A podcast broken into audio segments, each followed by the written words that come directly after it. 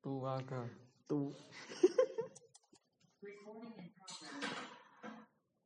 Nah, Selamat datang kembali di podcast Bukti Menganggur ya. Ini kelakuan kita yang menganggur-nganggur ini nyari-nyari konten. Ya, selamat siang teman-teman pengangguran. Hari ini kita ini Pak ya, buat podcast, podcast lagi ya. Ya, setelah sekian purnama akhirnya ada waktu untuk Reo Pak. Ini boleh dimas- dilepas ya Mas Kerja? Dilepas saja nggak apa-apa, dilepas, silakan dilepas. Ya, perlu diketahui teman-teman kita sudah vaksin lengkap dosis kedua. dan Pak, ya. PCR Ya, tes PCR pokoknya dipastikan aman untuk ketika kita mengambil video ini. Aman. Diaman nol. Untuk topik hari ini apa Pak Desta? Oh iya, eh, ini Eh, informasi sebelumnya ini eh, kenapa kita membuat podcast ini? Salah satunya karena eh, Bapak di sebelah tengah ini ini barusan mengikuti apa tadi Pak lupa namanya Pak? Bimtek Bimtek, iya Bimtek eh, tentang P4 P4. GN. Nah, apa itu Pak? Coba diterangkan dulu Pak. Jadi itu singkatannya saya lupa. Yang penting itu ya tentang sosialisasi tentang penyalahgunaan narkoba.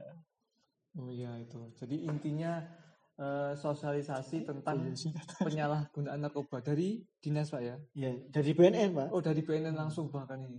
Nah itu kenapa kita membuat podcast ini kan sayang sekali ilmu yang banyak itu kalau tidak ditularkan ke teman-teman yang lain pak ya.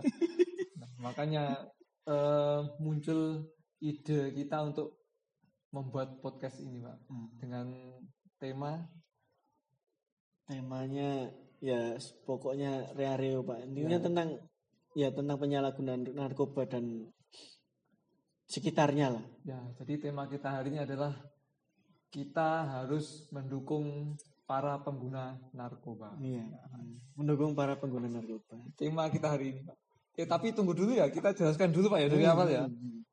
kenapa kita harus mendukung para pengguna narkoba. Nah, jawabannya nanti di belakang. Nah, Langsung sekarang aja. ini dulu mungkin Pak dari jenengan dulu yang barusan ini ya. Oh enggak, nanti kita bahas bareng-bareng Oh aja biar, gitu.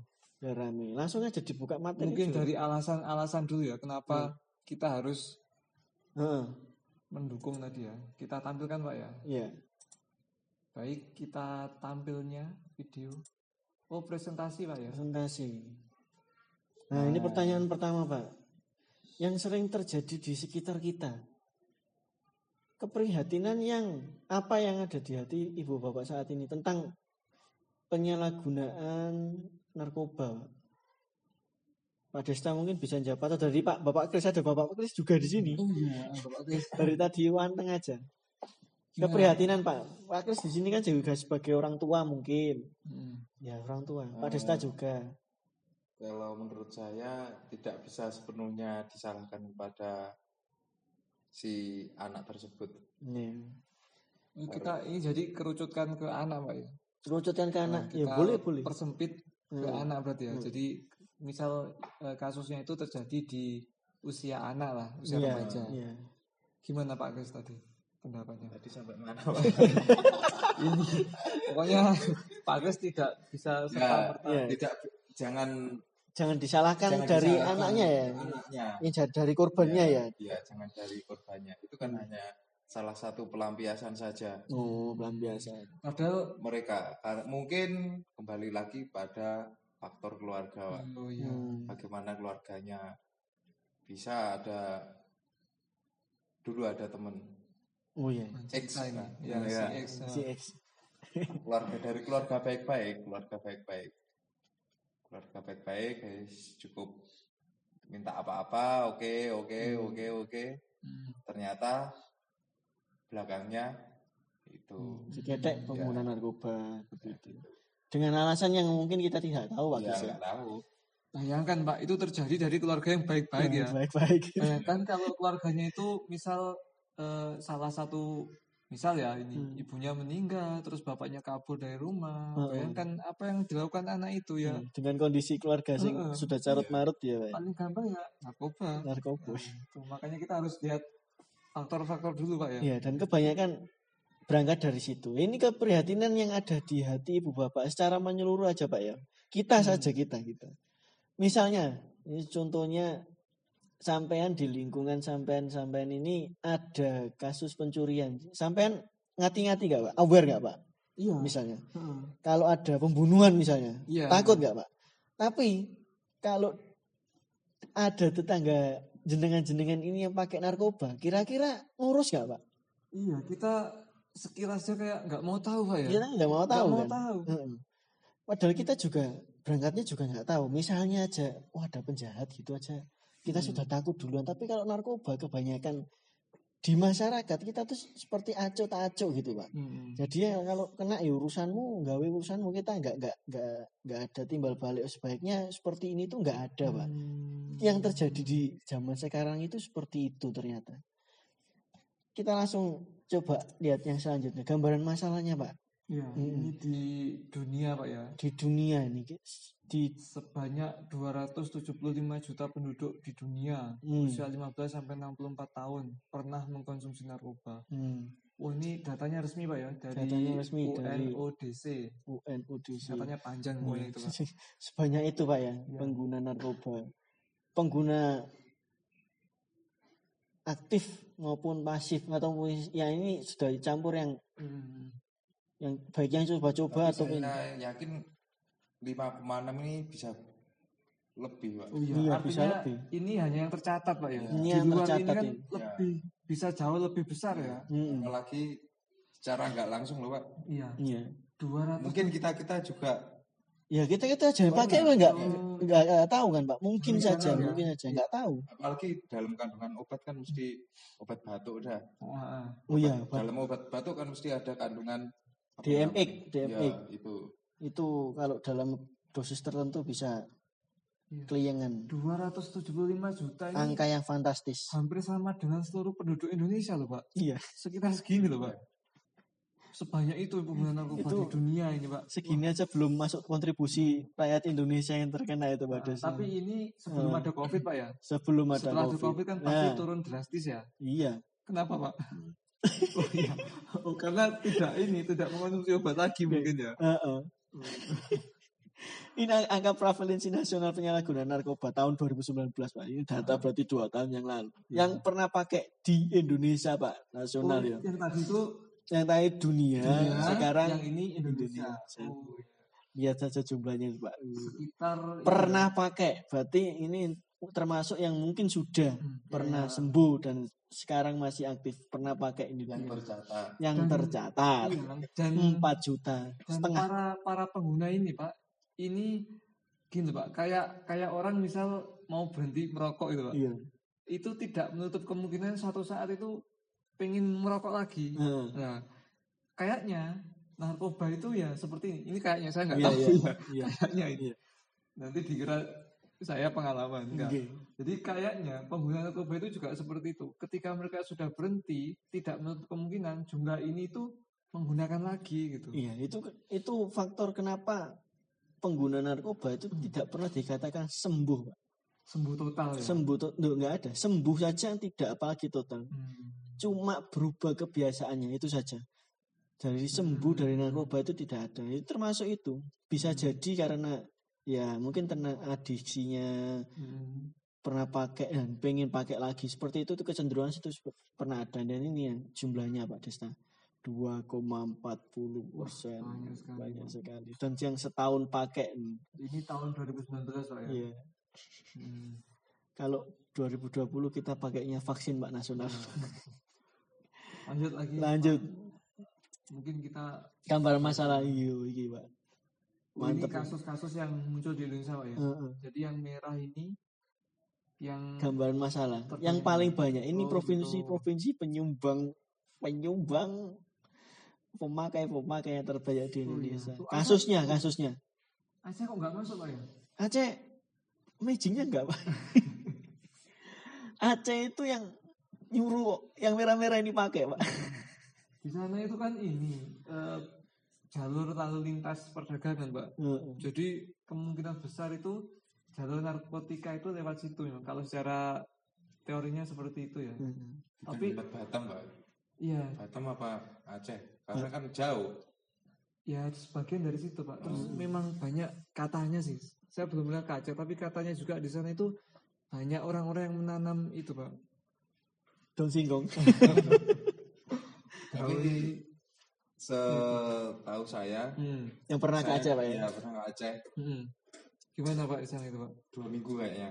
Hmm. Di sana ya kayak di sini biasa gitu pak, nggak ada yang gitu-gituan. Oh, yang nanam-nanam itu hanya mitos pak ya? Hmm. Oh ya berarti ralat itu tadi mitos ya. Dan Mitosnya- kok nih, dan konon katanya Hmm. ya orang Aceh lihat daun singkong itu kayak daun singkong beneran, Pak. Hmm, Iya. di Jadi tumbuh-tumbuh di, di belakang rumah itu ya wis biasa aja. Ini ini contoh di sini gambaran masalahnya Jawa Timur, Pak. Di gitu ya. Hmm. Di provinsi kita ya, Pak. 5083 tiga kasus, eh 5.833 kasus, terbesar ketiga, Pak.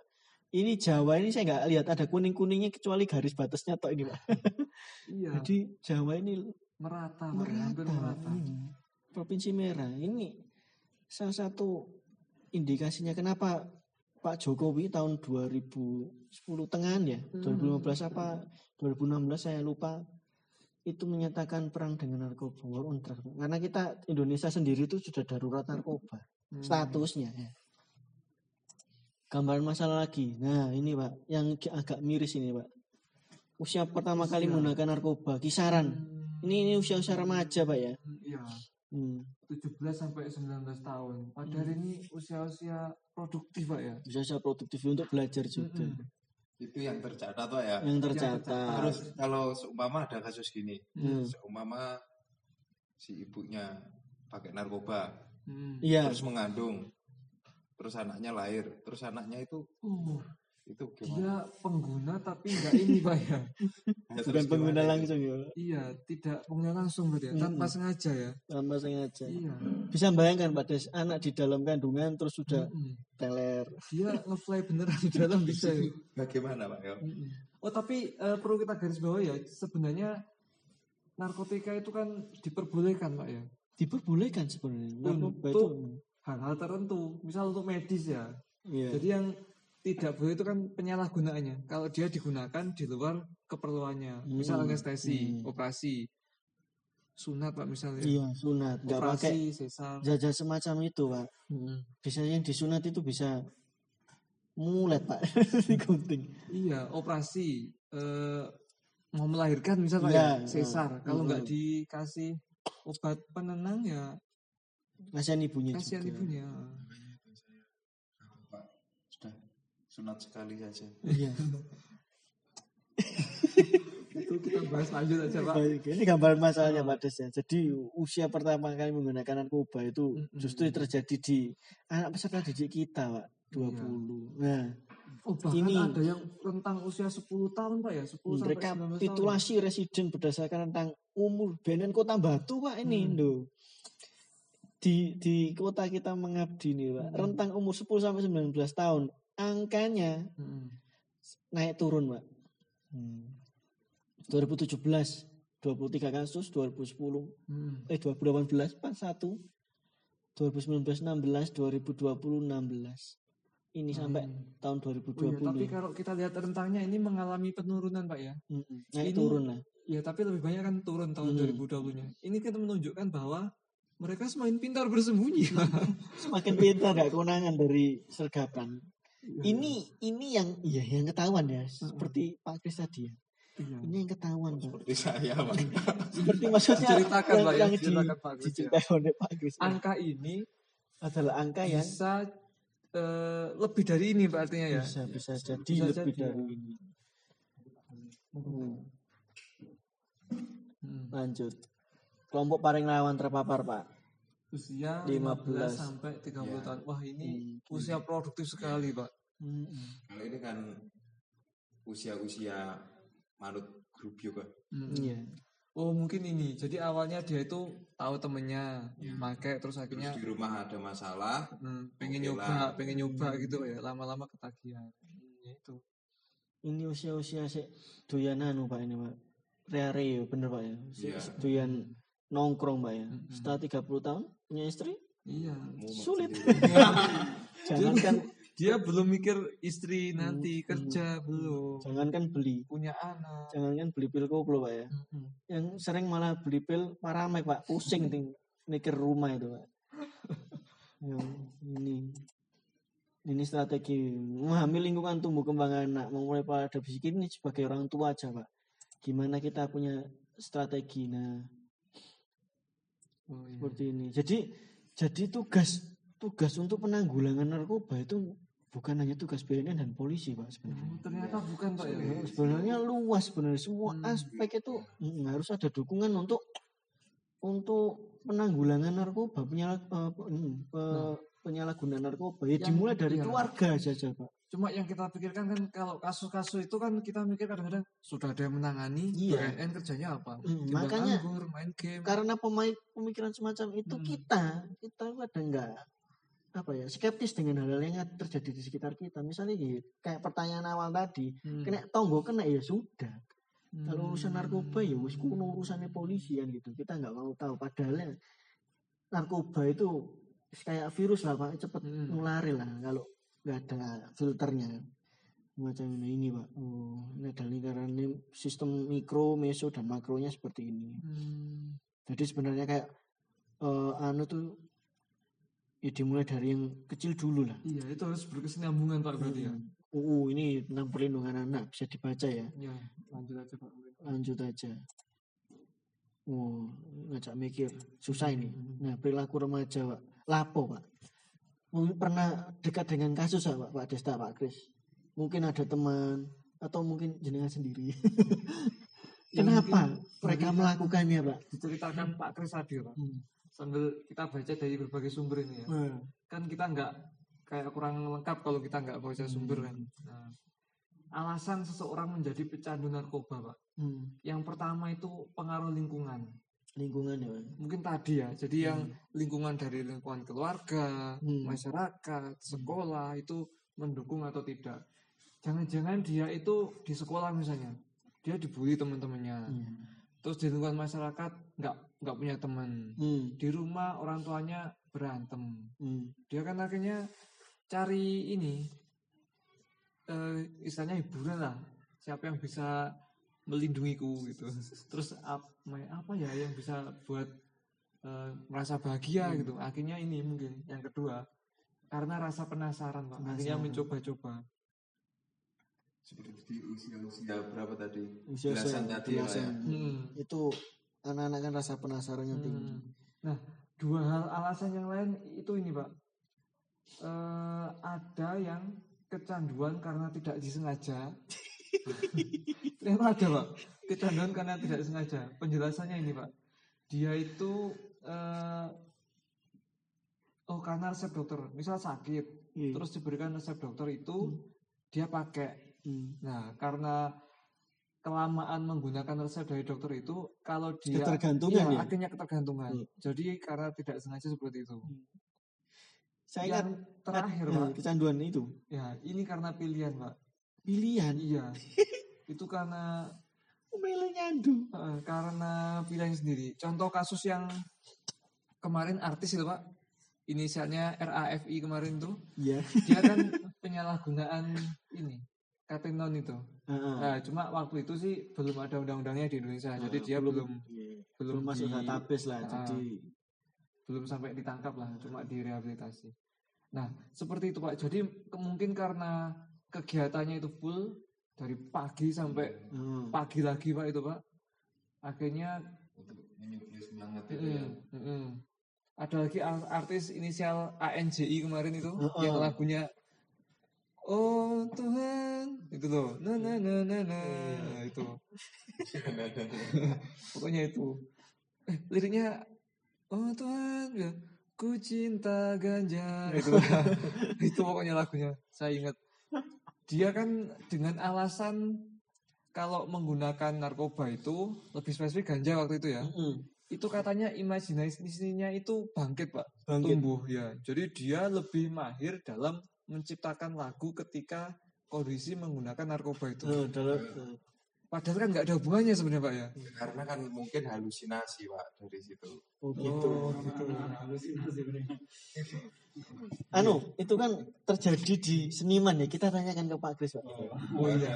Mungkin dekat, Oke. mungkin punya teman atau siapa gitu yang pernah kasus. Oh, Atau mungkin ini Pak, kalau misal Pak Kris sedang menggambar Pak, mencari inspirasi itu, apakah butuh ini Pak? Eh, Dorongan, asupan- dorongan. iya, atau dorongan atau energi apa itu? Apa itu sebenarnya muncul dari dirinya sendiri Pak? Makanya kalau secara pribadi Pak, Bahasa pribadi aja Pak. kopi. Kopi. Oh. kalau Pak Kopi sama nunggu mood gitu loh Pak. Hmm. Nunggu mood terus banyak ya seniman kebanyakan kan biarpun gambarnya biasanya ada yang abstrak gitu loh Pak. Ah, Kan mayoritas orang mesti gambarnya welek.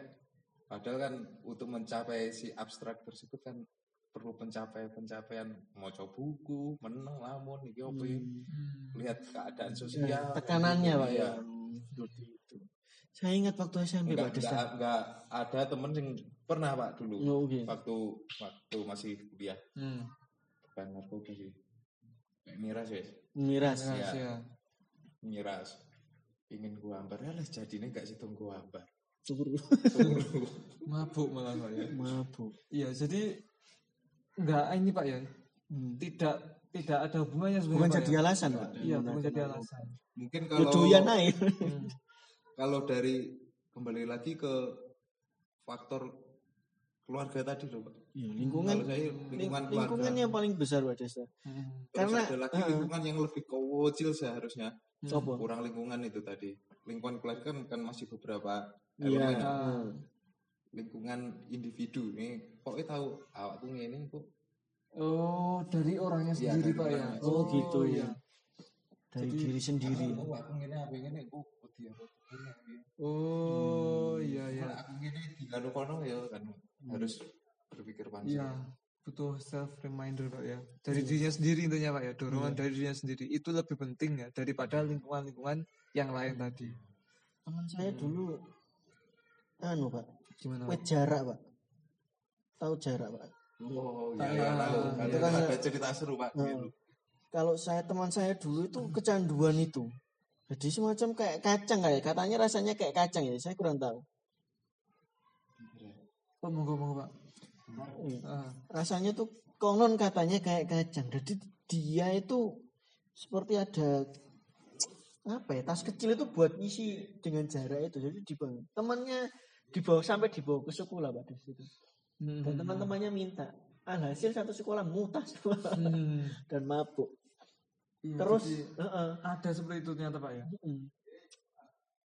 tekanan sosial pak kalau kalau di sekitar saya ya, menganggap ya katakan ini teman-teman saya dulu. Katanya kalau nggak ikut make itu nggak keren pak itu loh. Dicengi Oh. temennya eh, dicengi temen eh ya teman sekumpulannya ini cupu-cupu ya gitu. Akhirnya mereka ya karena nggak ingin kehilangan teman gitu. Motifnya seperti itu jadi ya ikut-ikutan saja. Mungkin hal Iya. seperti itu yang terjadi kebanyakan ya Iya, tapi itu justru terbalik Pak. iya Justru kalau kalian di lingkungan yang menggunakan narkoba, terus kalian nggak menggunakan narkoba, justru itu keren. ya, iya. Kenapa dia iri dengan orang yang menggunakan narkoba? Justru Mm. sebaliknya harusnya orang yang menggunakan narkoba itu kan iri kepada orang yang tidak Tidak menggunakan menggunakan. narkoba. Tapi- Oh, itu tidak menggunakan, kita iri harusnya kan gitu. Malah yang sehat itu iri kepada yang tidak sehat kok ada. Gitu. Nggak tahu itu, Pak. Iya. nggak tahu itu teman saya dulu gitu dengan Hmm. bangganya aku tahu ganjar ya Seperti- Hmm. orang yang pernah anu lah ya, nggak tahu itu sumber mindsetnya seperti apa ya. dengan bangganya dia per- bilang pernah make untungnya Hmm. tahu tak lapor no. lanjut pak Desta Lanjut. Mungkin yang penting-penting aja, Pak. yang penting-penting aja nah ini pak Desta Hmm. ini kembali ke lingkungan mikro pentingnya peran ayah bagi anak Iya. Fenomena fatherless dong diartikan sebagai anak yang bertumbuh tanpa kehadiran ayah atau anak yang punya ayah tapi ayahnya tidak berperan maksimal dalam proses tumbuh kembang anak Hmm. atau pengasuhan anak. Ki anak bapaknya mek tugasnya gawe tok ditinggal. Ini anaknya kabur gitu. Ayahnya kabur, kabur dari keluarga. Ada juga. Pak, Dan- tapi kayaknya fenomena ini, Pak, ini pengecualian di panti asuhan. Hmm. tidak mungkin di panti asuhan kita membahas. Jadi maksudnya ini mungkin peran ayah itu kan ini Pak ya di keluarga normal. Jadi peran Hmm. ayah itu bisa sebenarnya bisa diambil alih oleh keluarga yang lain bisa Pak. Bisa. Bisa tidak harus ayah biologis itu bisa. Heeh. Eh, mungkin dia keluarganya Sosok. Ya. Nah, bisa aja dia uh, broken home atau Hmm. bercerai lah keluarga bercerai. A- Hmm. Akhirnya dia tinggal dengan ibunya atau dengan kakaknya. Hmm. Bisa aja si ibu itu atau si kakaknya tadi pak itu mengambil peran ayah itu. Jadi sosok Hmm. sebagai ayah dia menjadi ayah di keluarganya itu. Iya. Intinya seperti itu. Bukan berarti Tidak punya ayah, hmm, Anda dengan seenaknya hmm, pakai narkoba. menjadikan alasan dia pakai narkoba. Kenapa Pak? kamu menggunakan, menggunakan narkoba? Oh, ayah saya sudah meninggal kan nggak bisa dipakai alasan itu pak. Makanya. Lanjut aja pak. Lanjut. Oh ini ini Ini sambungan dari tadi ya. fatherless country. Jadi, Indonesia ini Pak ya. uh, uh, Oh, jadi kebanyakan orang Indonesia gitu ya. Iya, Mm-mm. jadi yang hilang itu adalah sosok, Sosok. ayahnya itu, Ini- Pak. ini ini yang ada di Amerika, Pak ya. Hmm. 23 juta anak-anak absen of their biological father, jadi nggak punya Ayah ba- biologis. ayah biologis. Oh, saya kurang setuju, Pak. Ah, ah, Ayah jadi biologis meng- itu harusnya ada. Cuma Ada. di akte yang nggak ada. Jago, ya. Iya. Jago, Iya, jagoannya iya. apa gak ya, iku. Ini yang menyebabkan nih 63% remaja bunuh diri loh seperti ini, Pak. Iya, tapi kan ini tidak bisa dijadikan alasan Nggak bisa bahwa jadi. kita Iya. boleh menggunakan narkoba itu tadi, Pak ya. Iya nggak boleh lah. Rentan penye- pe- penyalahgunaan nafsa rentan menggunakan tindak kriminal loh. Dan, Ini dan keluarga yang sosok ayah ini nggak ada di keluarga tersebut, Anda jangan lepas tangan. Mm-mm. Anda sebagai keluarga besarnya ya harus mengambil peran sebagai ayahnya si anak itu gitu. Iya. Misal ada mbahnya, ya berarti mbahnya yang berperan sebagai ayah dari si anak itu gitu. Jangan Mm-mm. lepas tangan malah mbahnya kabur. Ah, saya tak minggat aja gitu. hmm, Akhirnya anak terlunta-lunta. pola adopsi gaya hidup generasi muda pak. Mm. Nah ini sing kita rasakan sekali pak ya perubahan generasinya. Ya di sini saja generasi Pak Kris sama saya aja sudah beda. Iya.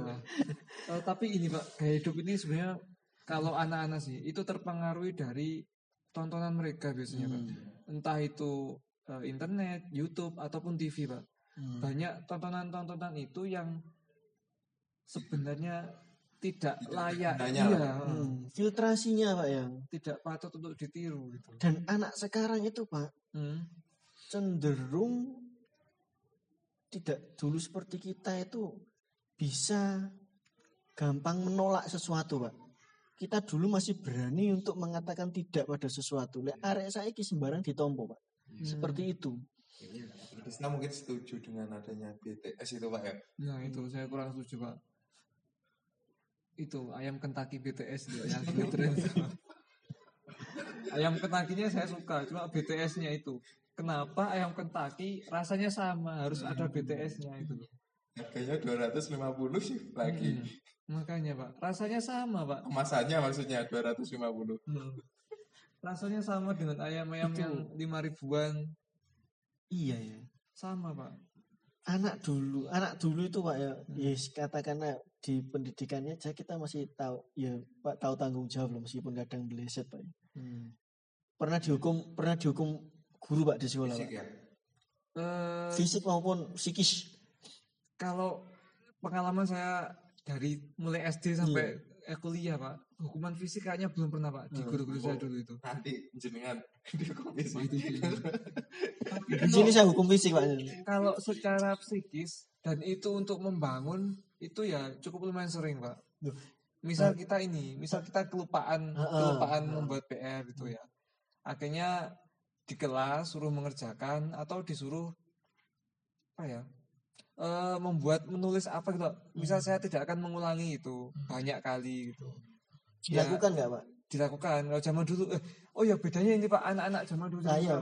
kalau zaman dulu kita dapat hukuman dari guru itu dilaksanakan dan Iya. biasa aja kita nggak pernah protes Anak sekarang itu denial pak. Jadi kita itu kalau dulu dihukum itu kita tahu karena kita salah. iya kita ngerasa salah pak Heeh, Hmm. dan nggak- dan nggak mau berlarut-larut ya wis salahnya cepat ny- nyampe di sini aja Mm-mm. kalau anak sekarang salah dihukum lapor orang tua Iya. Hmm. Kalau berani dulu kalau dulu dihukum lapor lapor ditambah. Tambah dimarahi ya betul.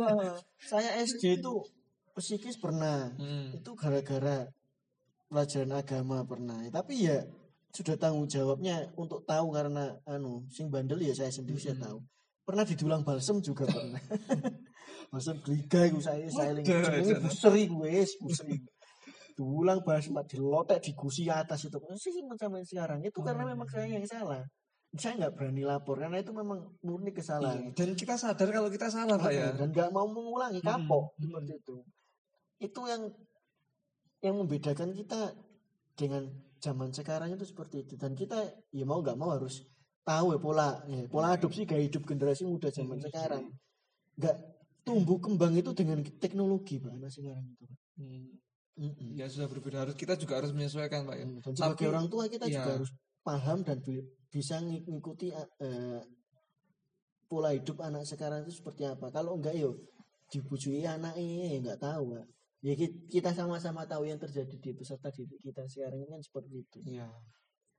Hmm. Jadi kita tidak bisa 100% kepada anak atau kepada orang tuanya Hmm, saja pak ya. Harus hmm, di cross check dulu. Orang tua cross check, anak juga di cross check terus dan lingkungan. Oh iya. lingkungan lingkungan itu pergaulan itu paling penting Kris pernah dihukum Pak Kris? Oh iya. Matematika salah. Sama enggak. sama itu sama penggaris. Penggaris, Terus, ya sama penggaris pernah. penggaris itu pusaka guru Ya, Pak dulu. Ya.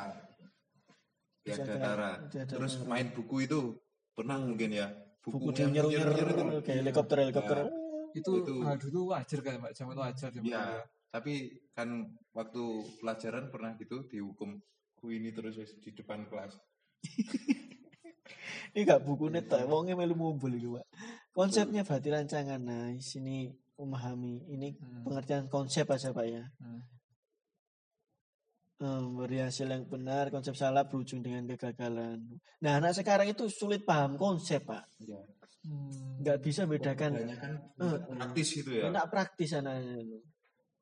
Jadi gimana ya di kalau prak- praktis saja dan nggak tahu konsep juga ya selalu berulang selalu membutuhkan praktis praktis praktis padahal Iya, nggak tahu konsep tujuannya hal misalnya dalam pelajaran aja pak. Kalian harus tahu konsep untuk bisa praktek. Ya betul. nggak ujuk-ujuk praktek nggak ada arahan kalau ayo budal dong ini ini kan nggak bisa. Ya, mungkin itu yang dirasakan dengan mata pelajaran seni pak ya yang kebanyakan praktek. Ya minimal harus tahu konsep kan. Terus Harus- selain itu juga nganu Pak. Kok kebanyakan anak sekarang itu hanya satu informasi. iya Satu informasi langsung terima, oke. Oh. Gitu. Kan takutnya itu Pak. Ya. Kan semua Pak, ada skill. Cobaan iki pil nganu iki kena di iso fokus Oh, iya. gitu. Mm. Diterima mentah-mentah gitu pak ya. Iya. Hmm. Kalau nggak dipikir jauh Nggak kan, mau. oke, gitu. anu lah, berliterasi ya Hmm. mencari sumber lain untuk Makanya pemerintah sekarang sangat apa? mencanangkan apa? Literasi. iya Hmm. anak-anak sekarang disuruh anu pak maksudnya menceritakan atau menyebutkan arah dari rumah ke sekolah aja nggak tahu Ya nggak tahu. Iya nggak tahu betul. Anak-. Lor Kidul Oh. utara selatan itu nggak tahu nomor rumah nggak tahu ada yang nama bapaknya tuh lupa nama lengkap bapaknya tuh Kok bisa? ada itu saya juga itu aja terjadi di. Iya bisa jadi pak. nggak saya takutnya bapaknya banyak pak Sampai Lupa nama bapaknya yang bapaknya. mana. Iya. Hmm. Hmm. ini contohnya pak Hmm. Ini contoh ya ada ada ada dua tipikal remaja, Pak. Hmm. Ada Ini anak yang polos, ada anak yang eh, ini disilang. Ini ada gadis yang sangat polos. eh, Ini dua-duanya salah. Anak yang terlalu polos juga bahaya. Salah bahaya. Anak yang pergaulan ini berangasan ya bahaya. Yang penting cerdas sih. Mm-mm. Hmm. Yang penting itu dinamis lah. Tahu-tahu ya ini gaya hidup ini, Pak. Ini Ini- ini- Oh, Ya, ini public figure lah ya, ya, public figure. Public figure yang pernah Ada Polos, Remulat, ada Faris RM. Iki Eh, ganteng, saya mungkin lupa namanya. kita perlu bahas sedikit pak ya. Hmm. Kenapa public figure itu eh, banyak banyak juga yang dari golongan pelawak pak. Kenapa ya? Padahal dia kan ini kelihatannya kan ceria, orangnya ceria, Hmm. suka ketawa. Kayaknya Gimana pak di situ? karena nervous ya, Pak. Biasanya sih. Nervousnya itu. Iya. Jadi untuk menutupi nervous dia menggunakan Iya. narkoba itu. Oh. Terus kan buat kayak siapa ya? Nama band lah lagi. Ya. Boleh, boleh nggak apa-apa. Netral. Hmm. Netral kan betul nggak pakai gitu-gituan lah. Hmm. Band pang padahal. Ah. Udah bener-bener. Itu kan ternyata ya nervous juga. Oh, Se- sekelas netral ya yang Iya. sudah 20 tahun Apalagi kan lebih. melawak lah nggak lucu kok bayu Hmm. kan gitu kan mereka juga nervousnya di situ pak Iya. kan aku- kalau ah, benar. kita apa meneh ngeband wong telu Hmm. set sing salah siji kan yang lain bisa nutupi Ya. kalau dia sendiri Ah. pelawak kan pengen kok nggak lucu aku nggak Jadi, bayaran jadi di yang yang akhir-akhir ini banyak stand up comedy Pak ya. Iya, Ya. banyak. Termasuk panutan jenengan itu Pak. Iya, panutan kita semua. Pak. Kita semua. Eh, Eh, nah, kalau yang pelawak tadi karena nggak semua pelawak itu hidupnya lucu seperti saat kerja Pak. iya Hmm. Mungkin banyak tekanan Banyak sepaneng. sepaneng. ada tuntutan manajer habis ini sana sana sana Iya. sana gitu kan Milenial yang eh, to do now Pak yang harus dilakukan sekarang itu Pak sebagai orang milenial komitmen memberikan pengaruh positif ketahanan diri perkuat agama mengembangkan diri jadi orang itu sebenarnya harus disibukkan dengan kegiatan positif Pak biar enggak enggak anu ya enggak enggak enggak ya enggak, enggak gampang terpengaruh oleh lingkungan sing anu Pak Hmm, ya, ya. Dan kalau gitu gimana kalau sekolah kita minta alat band gitu pak ya iya terus ngasih eh, eh. apa pembelajaran ke anak-anak gitu Iya, ya ekstrakurikuler itu harus ditekankan. gitu Dan ya. itu mereka anak-anak. disibukkan dengan kegiatan-kegiatan yang Iya. positif, gitu ya. positif nah, dan Tidak lari ke arah negatif ya. Mm-mm. semua itu ada kesempatannya kok Pak Lanjut, lanjut. Pak. Padahal di lingkungan kita juga hmm, langkahnya ini pak. Ini yang ini yang anu pak harus di dilakukan bagaimana untuk mengatakan tidak pada narkoba pak. Hmm. Ada kan kan ya ini tadi anak itu nggak nggak mau bertanya pak. Skill bertanya itu kurang anak sekarang pak. Coba aja di kelas suruh tanya gitu aja pasti diem semua kan. Hmm. Karena tidak dibiasakan dari kecil itu berani untuk bertanya. Misalnya sampean contoh nih, Hmm. kira tak ipil. Sing enggak gak mau tanya ya ditompo ae. Iki opo? Iki pil opo iki? Iki kanggone opo? Kan enggak enggak enggak seperti itu. mungkin itu kalau itu dari faktor keluarga pak mungkin Hmm. ada anaknya kalau seumpama Hmm. lagi ngumpul saling ngomong-ngomongan anaknya ada yang ngomong "Shh, diam Iya. Ya, Oh, gitu Anak kan. dicegah Nggak untuk boleh. bertanya se- sehingga anak enggak berani bertanya bahkan untuk keluarganya apalagi di luar Pak Desta ya. Hmm. Makanya dibiasakan. Tanya itu Apalagi kalau hmm, ini anaknya itu diasuh oleh pengasuh dari luar, Pak. hmm. ya Dia ngomong bingung gini bisa bisa ya. Bahaya Enggak- juga enggak itu ya. enggak semua gitu Pak. Oh iya. Katakan apa yang mungkin terjadi. Iya, tapi ini Pak, eh, saya pernah dengar suatu berita itu. Ini di daerah Jakarta sana, Pak. Kurang Hmm. tahu di sini. Dia itu punya anak, dititipkan di babysitter, Hmm. sama babysitternya itu disewakan ke pengemis ke pengemis jalanan itu, Pak. kalau itu kayaknya. Iya, tapi ada Pak, ternyata, Pak. Ada ya. Anaknya biar nggak nangis dikasih obat tidur. Hmm. Bayangkan anak-anak itu sudah kecil diajari pakai obat tidur. Hmm. Nanti lama-lama besarnya ketagihan nanti bisa-bisa.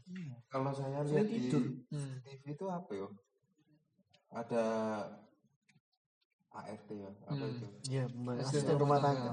ya itu ngopeni Bayi. ngasuh Ah, bayinya ah, ah. bayinya itu dikasih Obat tidur itu. obat terus Ah, iya. Hmm. Obat yang biasa kita perjalanan jauh gitu loh pak Ah, dengan Antimi ya? ya antimi itu kan dengan dosis-dosis nggak tahu lah kalau tahu, iya, ngawur kan ngawur kan. Iya. Padahal Tiap hari anaknya tidur ya. padahal kan obat seperti itu kan memiliki efek jangka panjang, Iya. Jangka panjang, Pak.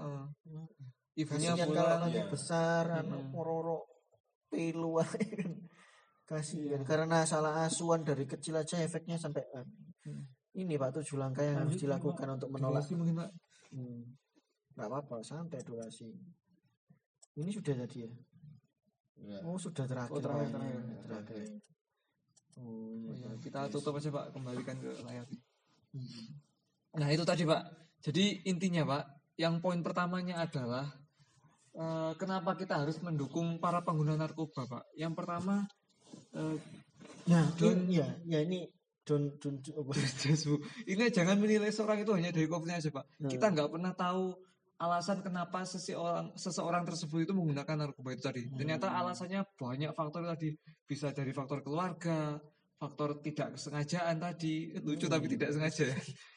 Ada faktor lingkungan karena jajak temannya dan banyak-banyak faktor itu tadi, Pak ya. Iya, banyak sekali banyak ternyata faktor. Termasuk yang paling kecil yang disebutkan Pak tentu dari keluarga dulu dan itu Hmm. pentingnya kita untuk so- selalu mensosialisasikan bukan hanya tugas dari BNN atau Iya. polisi ya kasat narkoba itu enggak semua harus bergerak dari lingkungan Hmm. yang paling kecil dulu dan gini Pak Desta untuk secara hukum untuk untuk ya Hmm. ini kembali ke topik kita tadi bahwa Nah. kita mendukung pengguna pengguna narkoba, narkoba, iya. untuk mau ikut rehabilitasi. Nah. Jangan takut minta uh, Oh, se- sebelum ke Poin ke kedua. Pak. Poin kedua tadi ya. Heeh. Eh, sebelum sampai itu Pak Is, Hmm. ke poin kedua dulu. Pertama kan eh, karena kita tidak tahu alasannya itu tadi Iya. ya. Poin keduanya adalah kita harus bisa membedakan Pak eh, pengguna narkoba itu ya kan ada dua hal yang harus dibedakan Pak. Iya. Yang pertama orangnya itu tadi, yang kedua itu perilaku. Heeh. Jadi sebenarnya yang harus kita benci itu adalah perilakunya, perilakunya. bukan orangnya. Heeh. Kayak K-pop itu loh Pak. Ya. Misal misal pun saya atau Pak Is Heeh. benci dengan K-pop, Hmm. BTS termasuk saya mungkin ya agak benci. Tapi tapi saya ini, Pak ya, santai. saya tidak benci ayam gorengnya Pak dan orangnya tidak saya benci. Hmm. Saya cuma benci perilakunya itu Pak, perilaku orang-orangnya yang berlebihan itu sampai antri berpanjang-panjang, Heeh. foto profil diganti foto Heeh. siapa Banyak itu. Siwon, Padahal makanya padahal itu. waktunya Ingat banyak. Iya, termasuk para siswa itu.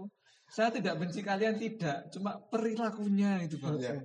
Terus Hmm. langsung WA, Pak ini ngumpulkan tugas, nggak Nah. tanya ini siapa, ini siapa, Profil- lihat profilnya loh. Korea. Nah, terus namanya Kim Sopo, Oh. ada oh. Ini kok Siwon WA? Siapa ini Siwon itu? Saya pernah kaget pada yang pakai avanya Kim Jong Un Pak. Udah di nuklir aku moro-moro takon tugas itu. Iya. Kenapa? Ya itu tadi, Pak. Sama dengan pengguna narkoba, Pak. Heeh. Kita eh, yang kita benci itu ada perilakunya, Perilakunya. tapi orangnya itu harus kita dukung. Dukung. Kita support agar ya sesuai dengan kata Pak Is tadi, Pak. Mau rehab. Eh, Karena dan berhenti. dan hmm. Orang orang yang sudah kena narkoba tidak bisa sembuh, tidak bisa pulih seperti apa. Karena narkoba itu pasti merusak jaringan saraf dan itu belum ada penelitian untuk bisa disembuhkan, Pak. Bisa kembali secara kebiasaan, secara habitnya bisa kembali seperti orang normal, tapi untuk fisik itu tidak pernah bisa disembuhkan. Mm. Jadi mungkin ada yang mendengar video podcast ini Pak ya atau Hmm. video radio ini bahwa pengguna di sana segera untuk ikut rehabilitasi sebelum keciduk polisi ya. Mm. Kalau sudah keciduk polisi urusannya lain.